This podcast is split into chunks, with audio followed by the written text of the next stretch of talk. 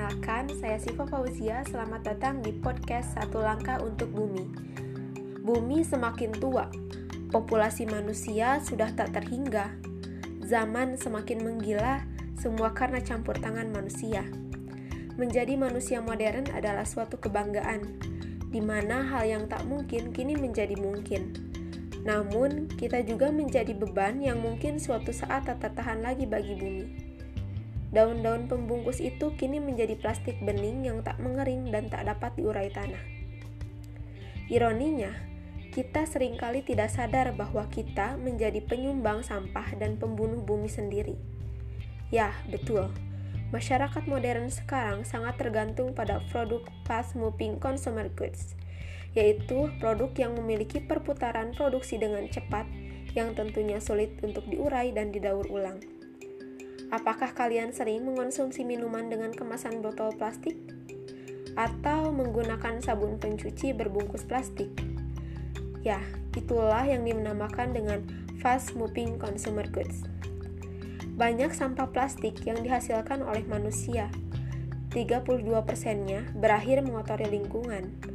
40 persennya berakhir di TPA, 14 persennya dibakar, 14 persennya didaur ulang, dan hanya 2% yang efektif didaur ulang. Banyaknya masyarakat yang bergantung pada produk fast moving consumer goods membuat Indonesia menjadi darurat pengelolaan sampah. Seperti yang kita ketahui bahwa pada tahun 2025, TPST Bantar Gebang sudah tidak bisa lagi digunakan.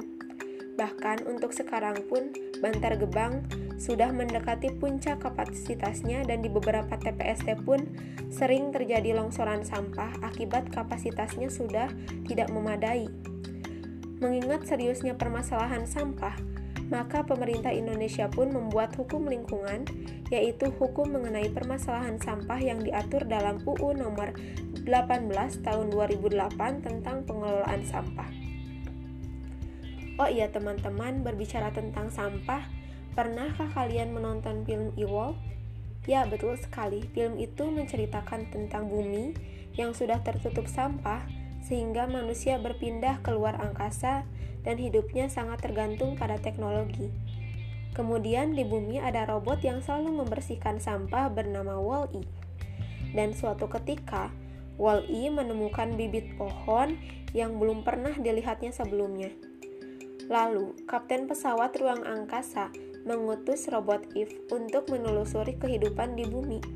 Eve kemudian bertemu dengan Wall-E dan Eve melihat bibit tanaman yang merupakan tanda-tanda kehidupan di bumi. Akhirnya Eve dan Wall-E menunjukkannya kepada kapten dan semua manusia pun kembali ke bumi dengan melakukan perbaikan dan reboisasi di bumi. Film tersebut memiliki keterkaitan yang erat dengan kondisi lingkungan dan budaya masyarakat Indonesia. Seperti yang kita ketahui, bahwa populasi manusia Indonesia semakin bertambah. Artinya, bertambah pula kebutuhan sandang, papan, dan pangannya. Lahan perhutanan di Indonesia dari tahun ke tahun terus berkurang jumlahnya dan mengalami deforestasi terbukti di wilayah Kalimantan.